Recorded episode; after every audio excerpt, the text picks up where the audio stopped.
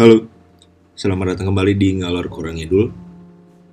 Kali ini gue mau bahas cerita soal salah satu teman eh, engineer. Dulu kita pernah kerja bareng di salah satu perusahaan eh, yang akhirnya beliau punya kesempatan untuk kerja di luar negeri, lebih tepatnya di Singapura. Kisahnya lumayan menarik karena dia punya background yang agak hmm, ya lumayan nggak umum. Jadi gue pikir ini bisa mungkin bisa jadi salah satu inspirasi buat teman-teman juga yang berminat untuk coba cari opportunity untuk kerja di luar negeri enjoy. Selamat menikmati. Halo, ah halo halo. suara mana kecil dik Ah, sorry bentar ya. Ah. Kecil ya bentar ya. Ini gimana pak? Nah, ini lumayan. Mantap. Minal aidin, Pak. Ini pas Minal Aidin. Mohon maaf. Mohon maaf lahir batin. Apa kabar, Bos? Baik baik. Ini udah mulai direkam ya? Oke siap siap. siap. Mantap. Mana udah pernah dengar pod eh kok jadi pakai bahasa Sunda, sorry. Lo udah pernah dengar podcast gue belum sih sebelumnya? Belum ya? Pernah pernah pernah Pernah. Nah, perkenalan sih sebenarnya eh, kenapa akhirnya gue bahas lagi ini karena dari sekian banyak dari sekian banyak apa eh, episode 5 apa 6 gitu. Kebetulan yang paling gede trafficnya tuh waktu ngomongin karir, waktu ngomongin Oh, eh, ya karir terus kemudian naik gaji apa segala macam. Jadi gue pikir oh, kayaknya seru nih. Gaji sih ya pasti. gaji ya Eh, seru nih kayaknya eh, apa bahas bahas lo semen eh, apa karena kayaknya banyak orang nerka-nerka juga gitu. Nah biar kita tanya langsung sama orang yang sudah mengalami apa kabar dik anak gimana sehat Alhamdulillah sehat semua. alhamdulillah umur berapa tahun sekarang dua Eh, hampir belum dua dua tahun itu nanti November. oh jalan dua tahun Ya. mantap ada yang berubah nggak dari COVID-19 Ya. eh, semuanya remote. Bosen juga sih. Lu total udah berarti berapa berapa lama remote? Dua bulan. Udah dari pertengahan Maret. Pertengahan Maret berarti oh sama berarti ya. Begitu PSBB langsung remote ya. Iya. Hmm. Oke. Oke. eh, mungkin gue jelasin dulu sama yang denger. Gua dulu itu sama Aldi kenal di salah satu company. Kita kerja bareng. Hmm, waktu itu eh eh duluan siapa ya di? Duluan gua apa duluan lo ya?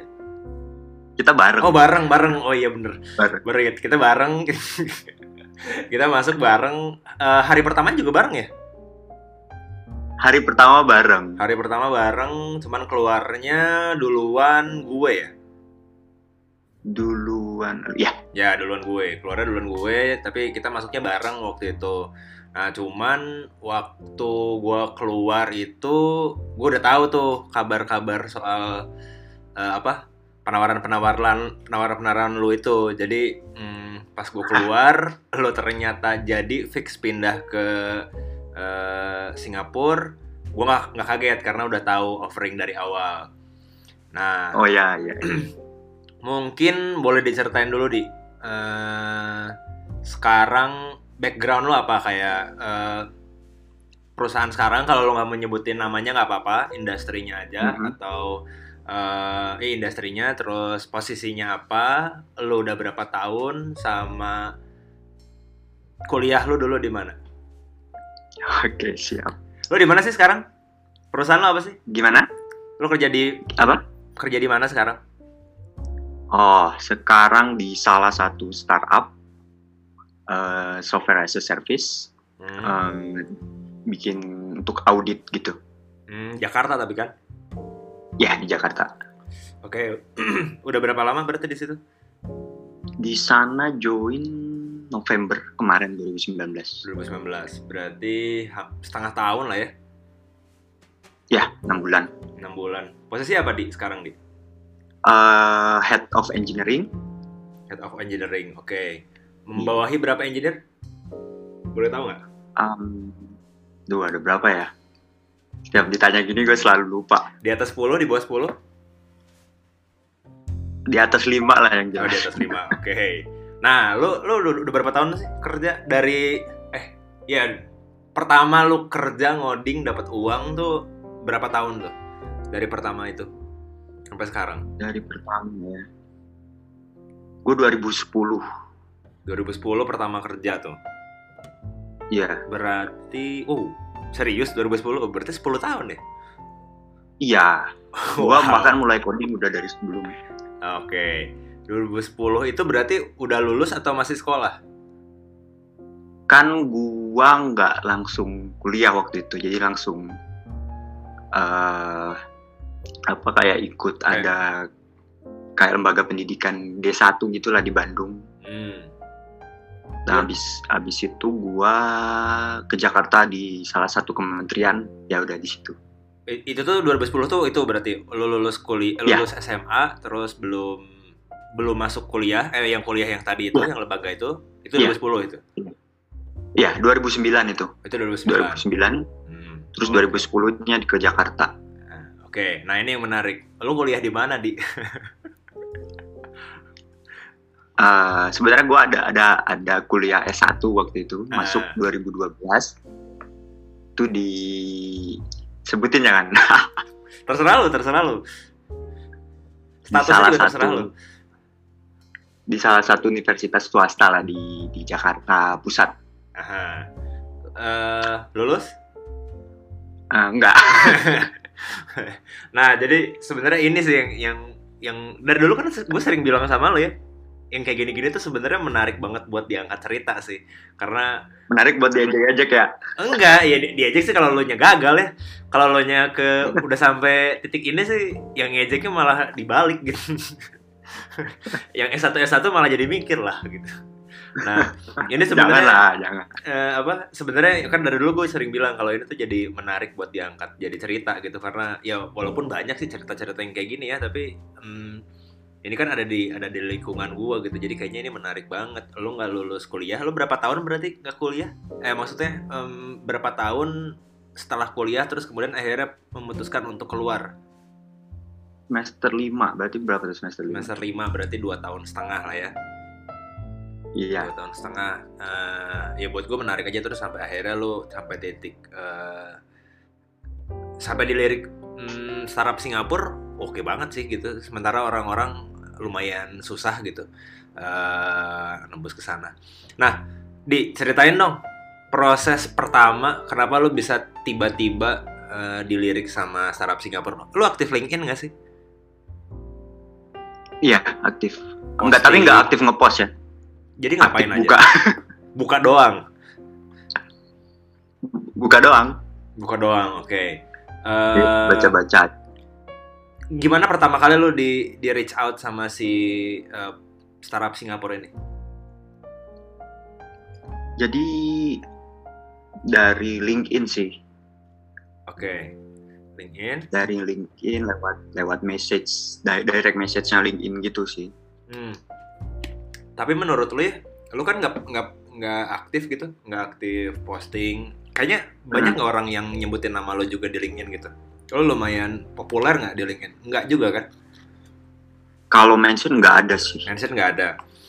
Nah, Iya. menurut lu kenapa sampai akhirnya hmm, si company ini pasti bukan bukan satu-satunya dong company luar yang berusaha nge-reach out lo atau ini satu-satunya di saat itu Di saat itu dari luar negeri apa dari dari luar waktu itu gua sempet sebelumnya ada di Mal- buat Mal- dari Malaysia sih.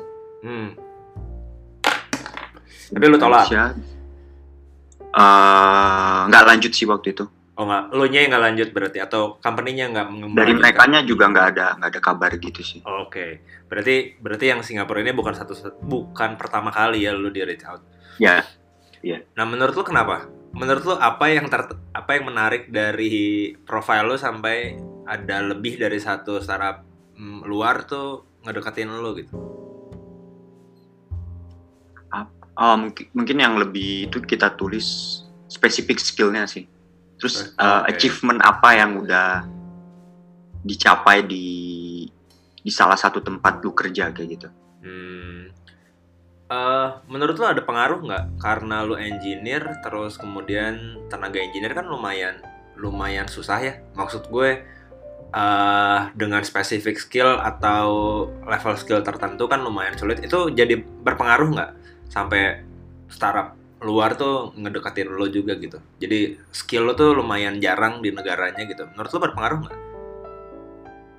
Eh, ada yang pengaruh, ada yang enggak juga sih karena kan mereka kadang kan juga nggak mau ngambil yang belum apa belum pernah nyoba di spesifik skill itu kan. Jadi dia nggak Oh, mungkin oke. harus eh, lewatin fase di, di- dilatih dulu. Sedangkan mereka butuh eh, langsung yang udah bisa mereka apa eh, buat developnya gitu kan.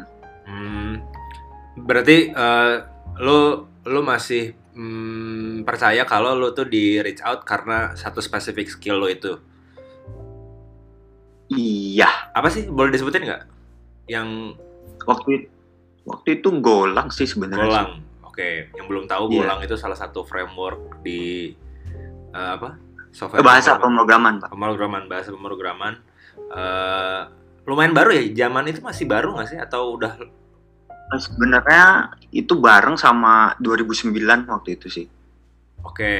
Tapi cuman baru lama dong. terkenalnya Iya, gua udah coding go itu makanya waktu itu udah 2014 gua udah coding go. Oh, dan lo ditawarin Belum itu tahun berapa? Banyak banget.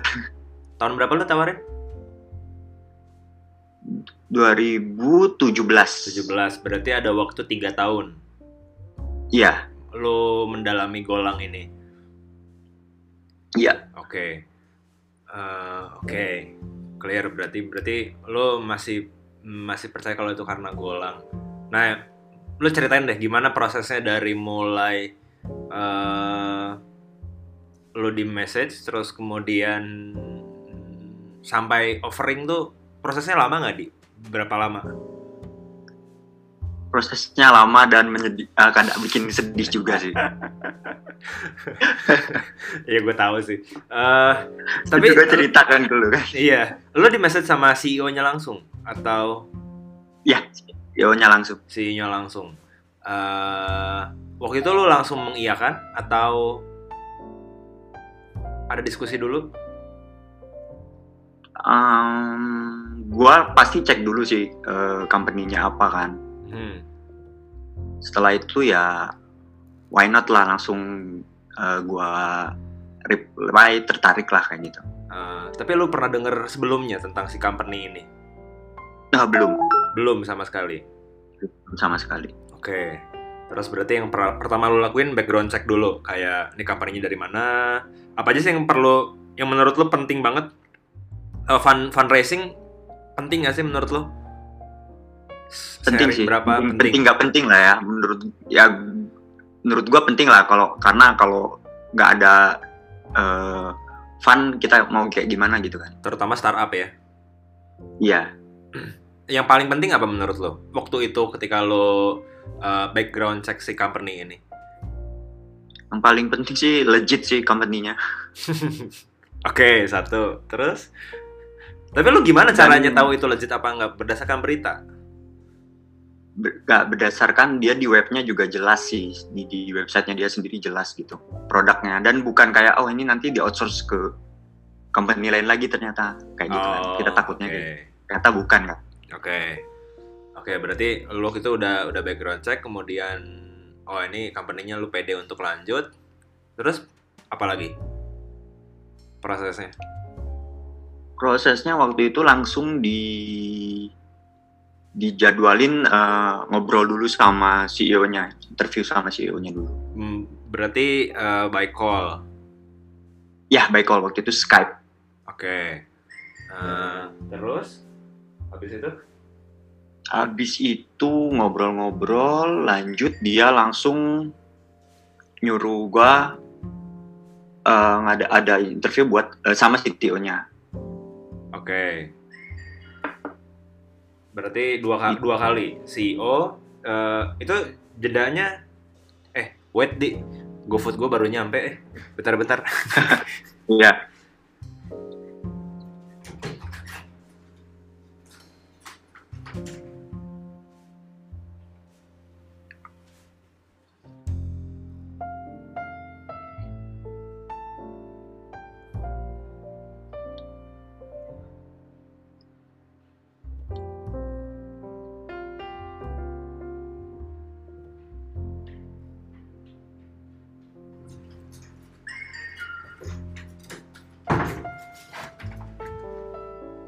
Ya, aduh chaos banget nih GoFood.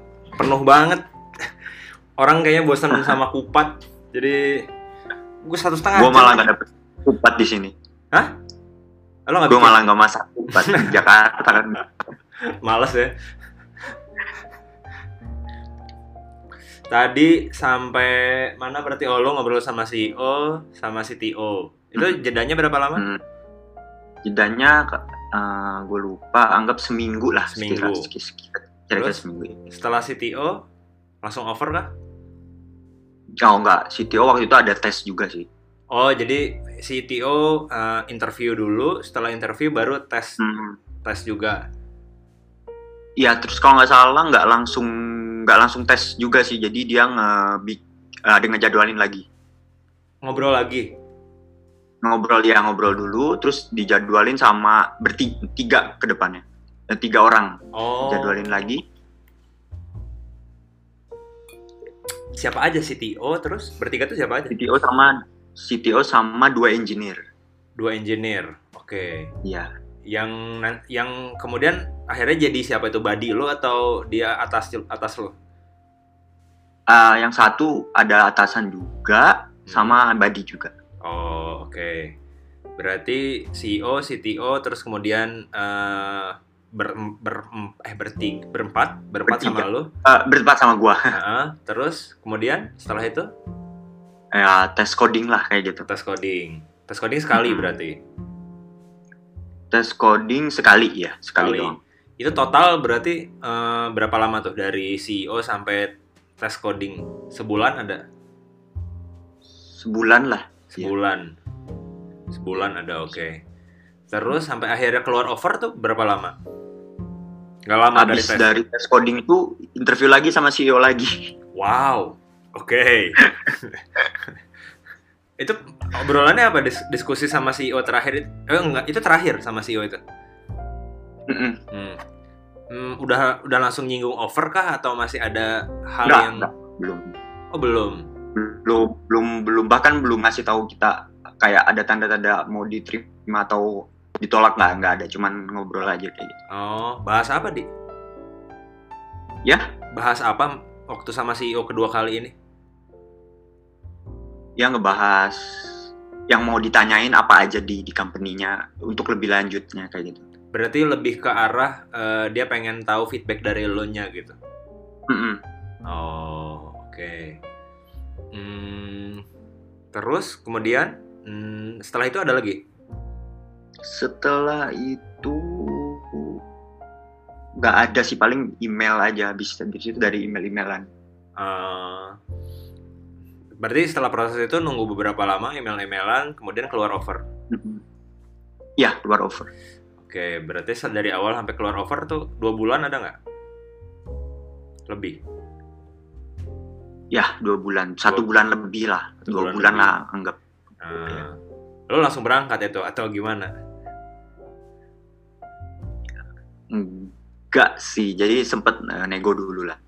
Nego di gaji, kompensasi. Ya, ya Oke. kompensasi Sam- Sampai akhirnya deal, terus lo sempet sampai. sempat bermasalah kan waktu itu?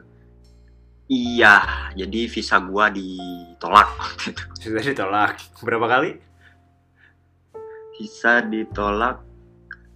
Gue lupa sih eksaknya tuh dua kali atau ketiga kalinya diterima atau tiga kali keempat kalinya gue gue lupa lah Nah, pokoknya lebih dari sekali lah lebih dari sekali ditolak ya.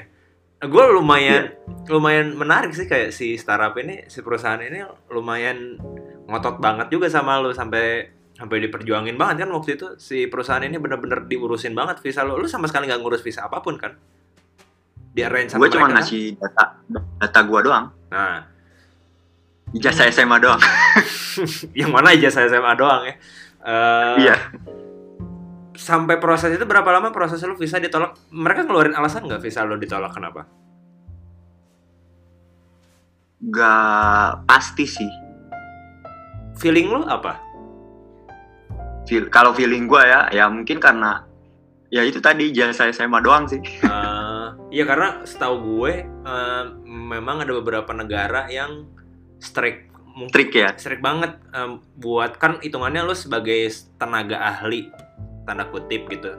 Eh, dan Mm-mm. kalau nggak salah setahu gue ada beberapa negara mereka punya kualifikasi sendiri tenaga ahli itu seperti apa gitu. Kayak mungkin minimum ya minimum betul. Di atas kertasnya kan. Iya, mungkin lu nggak kena di pendidikan mungkin, tapi sampai akhirnya dapet sih Ya. itu gokil sih. Maksud gue si perusahaannya juga kayaknya ngotot banget sih. Tapi pada akhirnya lu eh, concern lu apa sampai akhirnya lu mau ngambil tawaran ke Singapura karena mak- maksud gue itu kan lumayan berat ya keputusan itu. Itu lu udah nikah belum sih? Belum kan? baru pak Oh baru, baru banget nikah ya gitu ya. baru banget nikah Nah, apa yang akhirnya jadi pertimbangan lu untuk ngambil tawaran ini? Maksud gue kan lu harus pindah, lu harus ninggalin istri, terus lu harus adaptasi, lu belum tahu di sana kayak apa. Tapi apa yang akhirnya lu, wah udahlah, gue ambil lah gitu. ya pertama mungkin kompensasi lah ya Oke, terus itu basic lah ya. ya basic lah ya mungkin kedua lingkungan kerja juga sih pengen tahu kayak gimana di di yang apa ya di luar dari Indonesia tuh kayak gimana Hmm, yang deket lah gimana Singapura Oke, kompensasi berapa kali nih? Berapa berapa kali dari gaji lu sebelumnya? Boleh tahu nggak? dari Karen ya Eh, enggak enggak dari sebe- dari sebelum Singapura terus company kita waktu itu Iya. Oke. Sekitar tiga lah kalau kalau wow kalau bisa di- tiga ya tapi lu pernah nemu nggak di lokal ada yang nawarin lu segitu juga atau mendekati di lokal gue belum sih. belum ada Mungkin gue kurang jauh mainnya kali ya. Eh, dua kali pernah ada di lokal Kemungkinan ada sih. kemungkinan ada Ya. Hmm, oke jadi kompensasi sudah jelas menggiurkan lah ya di sana Ya. Oke, sampai tiga kali. Tapi setelah di sana, oke lu lu lu akhirnya lu ambil ambil keputusan untuk ambil tawaran karena satu kompensasinya jelas menggiurkan. Kayaknya 90% orang yang ada di posisi lo akan ambil gitu, 10% mungkin orang-orang dengan kebutuhan khusus, misalnya kayak ada orang tua sakit apa segala macem. Itu wajar menurut gue 90% eh, pasti diambil dua hmm, lu berarti lu kayak pengen cari pengalaman baru lah ya kayak di sana lingkungan kerja kayak apa. Nah, setelah lu kerja di Singapura, di sana di company-nya sesuai ekspektasi nggak? Nggak ada komplain sih gue waktu itu. Elunya nggak ada komplain. Ya, nggak ada komplain. Pola kerja gimana di? Di sana apakah eh, lu rodi atau lebih santai dibanding waktu lu di Indo? Kalau dibilang Rodi enggak, dibilang santai juga enggak sih. Jadi masih sama sebenarnya sama company sebelumnya. Agak cepet sih pace-nya. Oh, pace-nya agak cepat. Oke. Mhm. Eh, skill menurut lu maksud maksud lu kan punya body juga di company sebelumnya terus eh, Hmm. dibandingin sama body di sana jauh nggak sih sebenarnya eh, skill di di kita gitu di lokal Gimana ya? Bisa dibilang jauh, iya sih. jauh berarti di sana Iya. di sana lebih Atau Oke lah. tapi ya. apple to apple ya kayak yang misalnya dua tahun pengalaman sama dua tahun pengalaman gitu. Hmm, hmm, ya ya ya. Di sana masih tetap lebih jauh. Gue waktu itu sep- eh, maksudnya kalau ngeimbangin sih kecap juga sih maksudnya. Nggak nggak nggak apa nggak tertinggal lah gitu. Nggak nggak ada tertinggalnya oh, gitu oke, bisa dibilang. oke. Eh, jadi jadi masih masih masih bisa ngejar lah ya. Yang yang di Indo sebenarnya Ya. masih bisa ngejar punya potensi untuk Ya ke sana. sebenarnya ya. Oke. Tapi dari dari diri lo sendiri nih, setelah lo datang ke sana, lo kan juga tadi cari pengalaman baru. Dapat nggak? Maksudnya dari sisi self development misalnya, lo dapat nggak skill lo jadi bertambah Dap- lagi? Ya dapat. Apa yang paling paling utama? Teknis kah? Atau sisi manajemen kah? Atau Teknis lebih ke teknis berarti? teknis jauh banget. Teknis jauh banget. Hmm.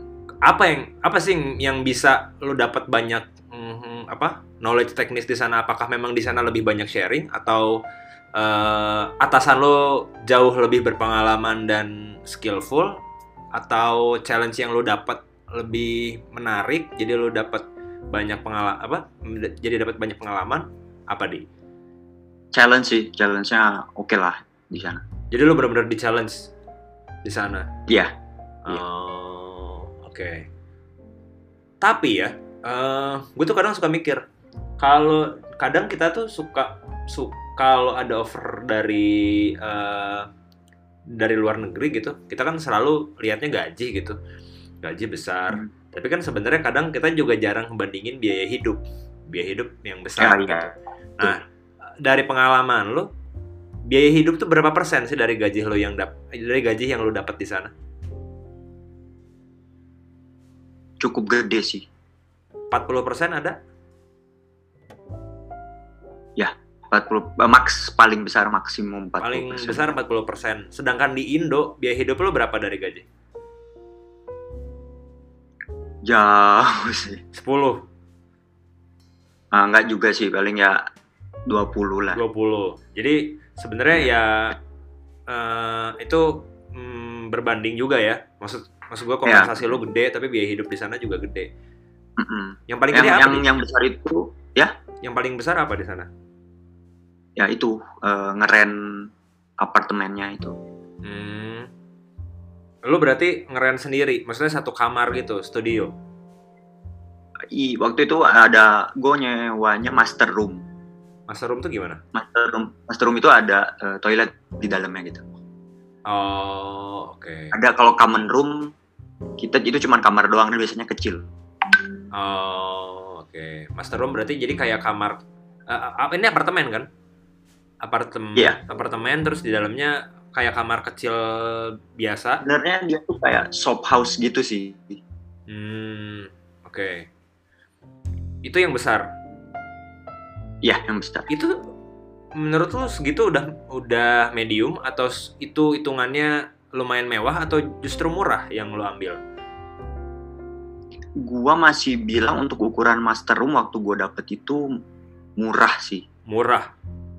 Karena gua nggak bayar listrik sama air, cuman bay, cuman rentnya aja per bulannya aja. Hmm, dan itu dekat sama kantor lu.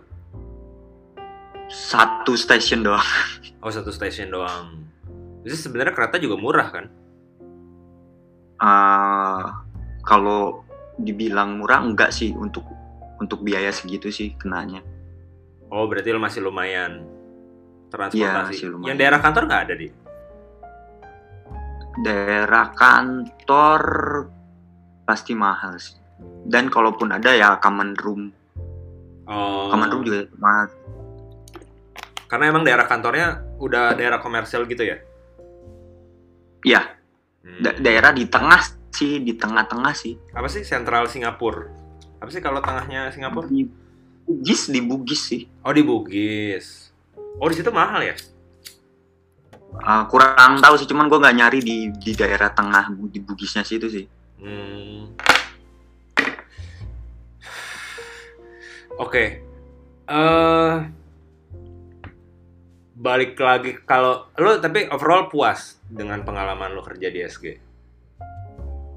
Lo berapa tahun Uh, berarti? Masih kur masih kurang sih kalau ngomong masalah puasnya sih di sana cuma setahun Cuman setahun. Sampai akhirnya lu balik lagi ke Indonesia karena karena punya bayi Eh, lu balik ke Indonesia tuh setelah setelah istri lu melahirkan berapa lama atau langsung? Enggak kan? Berapa bulan kan?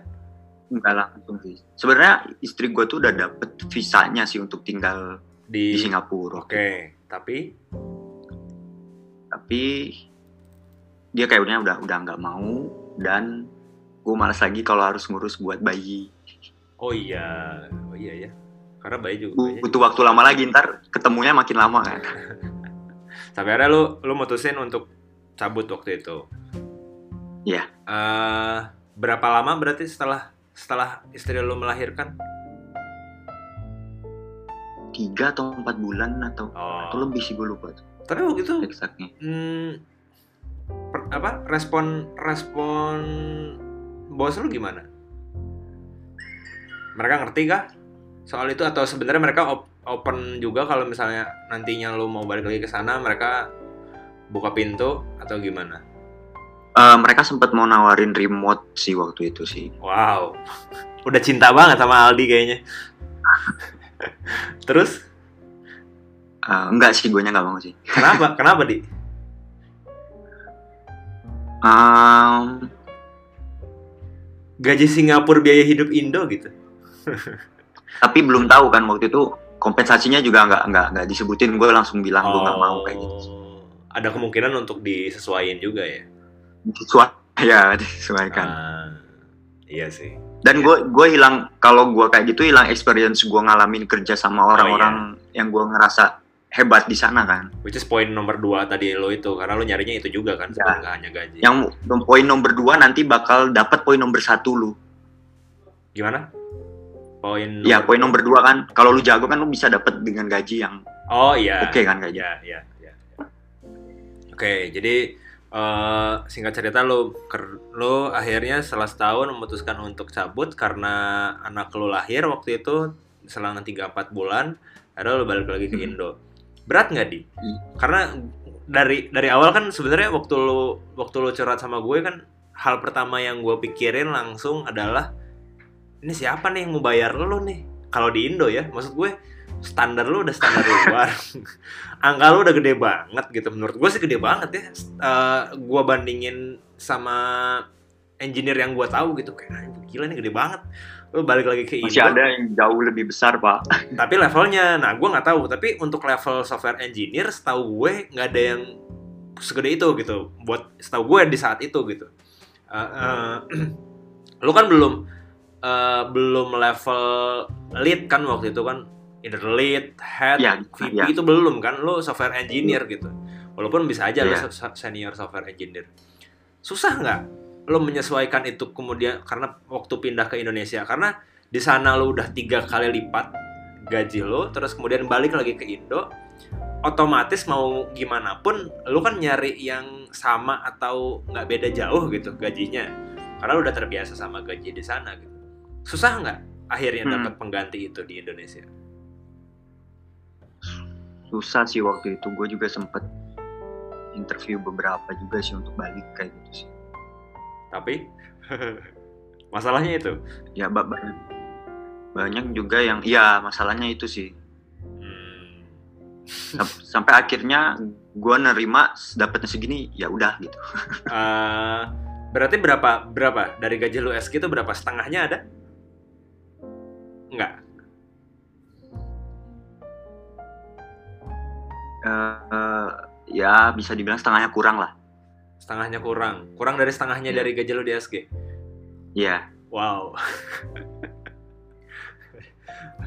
Gokil.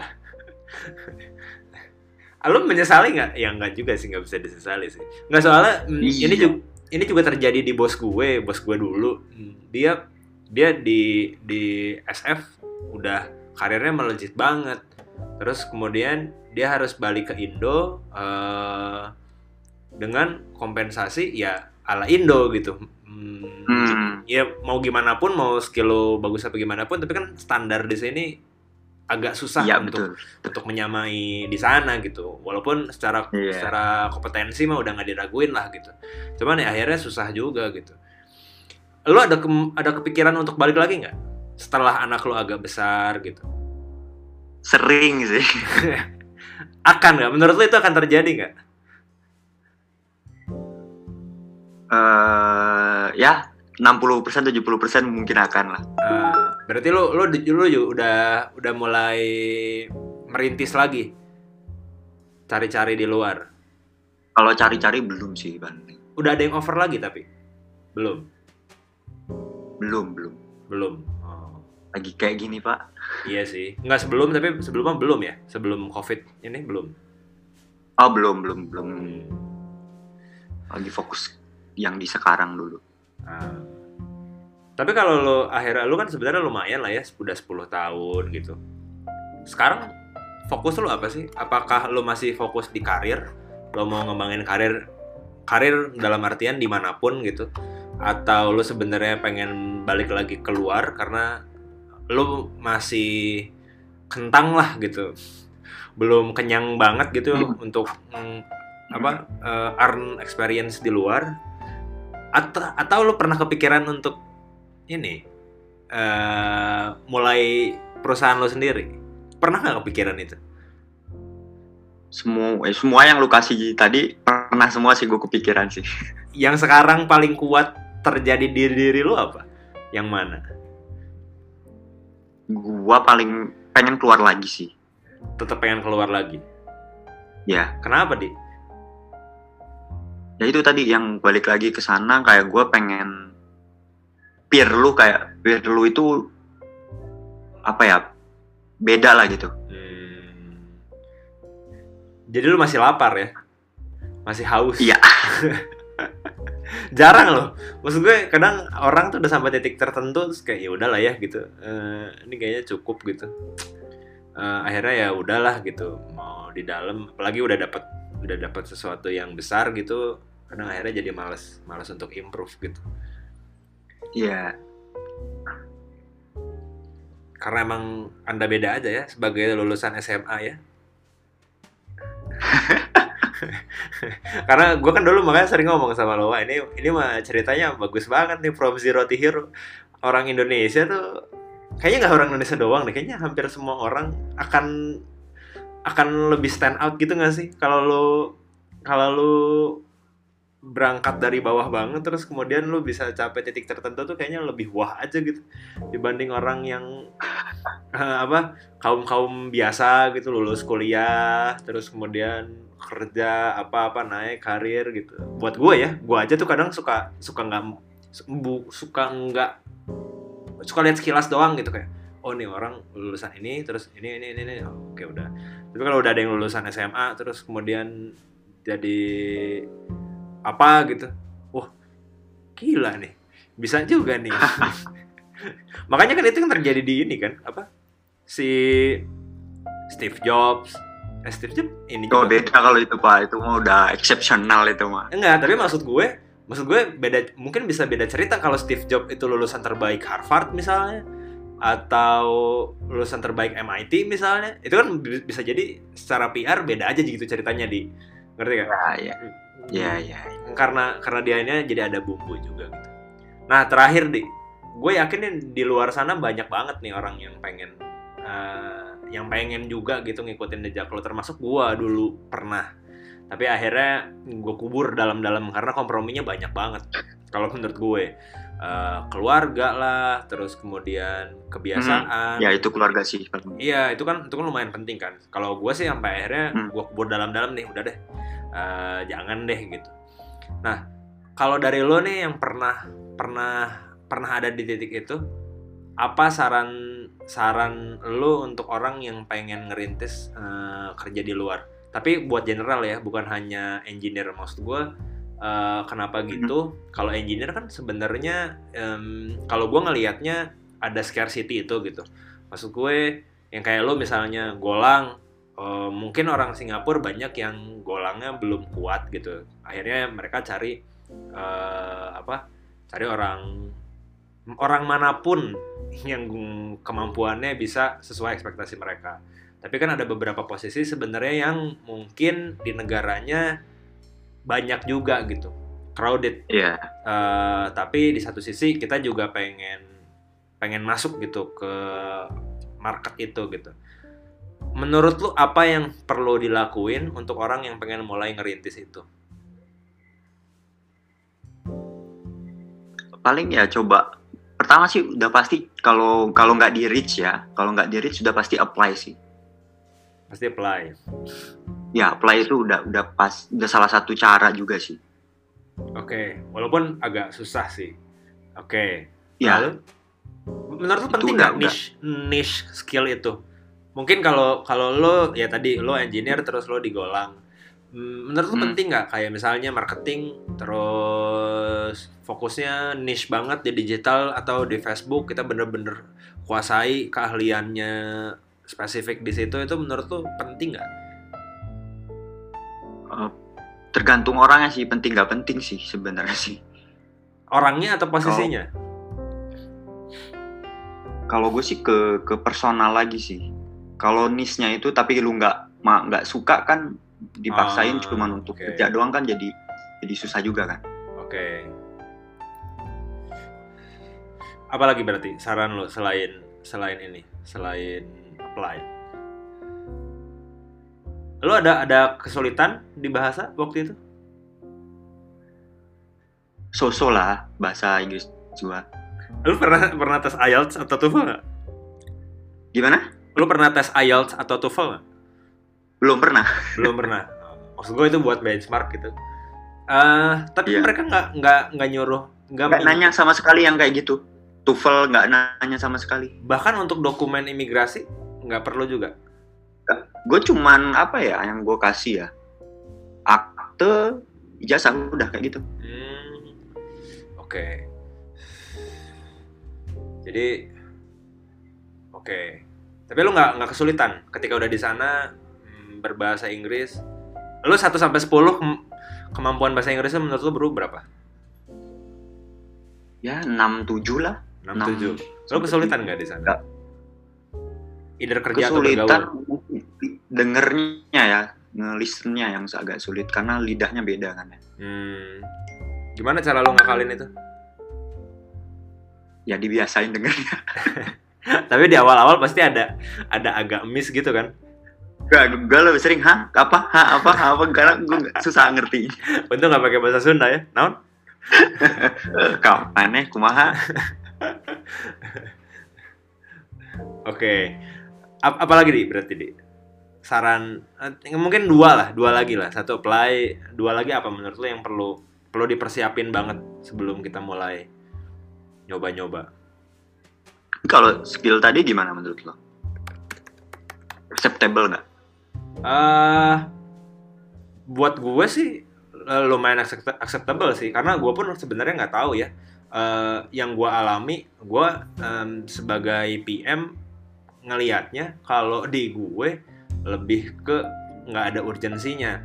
Kalaupun misalnya ngomongin niche toh juga nggak ada sebenarnya. Maksudnya belum belum belum banyak niche yang tercipta dari role gue gitu. Jadi gue juga bisa kebayang sih kalau kalau gue lebih kebayangnya karena kayaknya nggak banyak juga sih niche yang perlu di yang bisa di expand di role gue gitu jadinya mungkin lebih ke jam terbang aja sama portofolio gitu kalau kalau gue sih kebayangnya itu gitu Hmm, hmm. karena nggak ada Portofolio niche. nah portofolio penting nggak menurut lo membantu sih, membantu sih. membantu berarti Karena kan mereka juga butuh tahu pencapaian lu apa. Lu tuh legit juga nggak? Selain lu mandang company di sana legit nggak? Company di di sana juga mandang ke lu nya legit juga nggak gitu kan? Ah, menurut lo portofolio yang paling kuat dari lo apa? Yang mana dan karena apa? Gua pribadi. Ah, ah. Eh, si company si Singapura ini dia mandang lu eh, lu eh, prasangka lu apa? Yang yang portofolio lu yang paling kuat tuh kira-kira apa? Menurut lo ya di di di yang dulu. yang yang lu juga ikut ngebangun? Di technical sih. oh teknikalnya Iya. justru malah itu lebih kuat daripada hmm, portofolio ada satu startup yang dulu lu ikut bangun lu jadi tim awal itu. Menurut lu lebih penting mana? Lu technical jago banget atau lu pernah terlibat di salah satu startup yang mulai dari nol kemudian hmm, Ah, sampai titik tertentu? Itu itu juga membantu sih. Itu tapi membantu. tergantung balik balik lagi lu nya eh apa ya? Kalau tapi kalau gue tetap kalau gue sendiri tetap percaya dengan technical skill sih. Technical skill oke. Ya cuman gue masih agak heran Karena sih. gue sebenarnya masih agak heran karena lu tuh nggak aktif gitu. Lu tuh yang Hmm. maksud gue lu bukan bukan orang yang sering kalau kayak teman kita tuh dia kan sering banget bikin konten ya. Eh, bikin Iya. konten sharing apa segala macam lu mantap lah. lu kan nggak kayak gitu kan? Lu tuh Iya, lumayan iya, pasif sebenarnya di LinkedIn. Nah gue tuh sebenarnya penasaran. Kok bisa? Apakah maksud gue oke lu jago golang tapi eh dari mana orang tahu kalau lu tuh sebenarnya ahli di golang mau tumut kah? Lu per, lu dapat di refer sama siapa gitu atau lu pernah Hmm, ada di komunitas mana gitu? Menurut lu gimana? Gue kalau di di komunitas sekarang nggak memang memang nggak aktif sih. Tapi gue ketika ditanya lu bisa jawab itu sih. Dan jawabannya itu memang jawaban pure lu bukan lu sok tahu atau ngarang-ngarang kayak gitu sih. Ah. Tapi menurut lu si company ini dapat dapat dapat info lu dari mana? ya mungkin cari di LinkedIn berdasarkan LinkedIn keyword. atau Karena lu Ya. tulis spesifik di LinkedIn lo. Maksudnya salah satu keahlian lo golang gitu. karena waktu itu untuk di tempat kerja tuh nggak gue malah belum pernah untuk ngerjain golang kan waktu itu masih belum 2014 masih dikit bisa dibilang dikit banget yang di Indo ya nggak tahu ada atau ada gue belum belum tahu gue nggak nggak nulis sih waktu itu sih cuman ah gue gue nulis di bagian deskripsi gue gue bisa golang kayak gitu sih oh, itu mungkin ya. tapi di di di, di company yang gue kerja gue Nggak. pernah gitu gue nggak iya. ngebohongin gue ngerjain Iya. pakai golang di sini nggak kayak gitu Jadi kayak di bio lu aja gitu ya, di short, short Iya. bio itu ya. iya Oke, oke, oke. Ada lagi nih saran dari lo? Atau cukup? Aldi si pendiam. gue kan orangnya di dalam gunung terus tuh nggak pernah nge-expose diri gitu jadi agak susah Iya makanya, makanya gue dulu kan sering nyaranin. Wah gue kalau dari lo sih, gue udah share ke mana-mana sih. Maksud gue sayang banget aja gitu, nggak pernah speak up. Pada akhirnya ya itu penting banget gitu. Kayak si teman kita aja kan exposure-nya lumayan gitu. Cuman kebiasaannya sama kayak lo juga nggak mau tampil di publik, tapi at least dia udah secara tulisan dan itu kan udah lumayan aktif gitu.